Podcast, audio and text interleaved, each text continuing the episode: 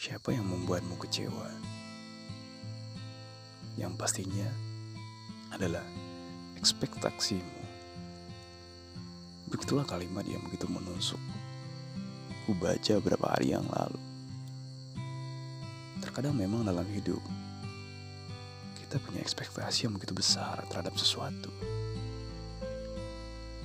Sehingga sering kali membayangkan berharap mendapatkan hal baik. Kemudian, jika itu tidak ditemukan, malah jadinya bersedih hati, merasa tidak adil, marah dan sedih. Namun terkadang dengan melakukan hal yang sama terus-menerus juga mudah untuk mematahkan hati. Mudah lemah untuk berputus asa. Kenapa tidak kembali mencoba melakukan sesuatu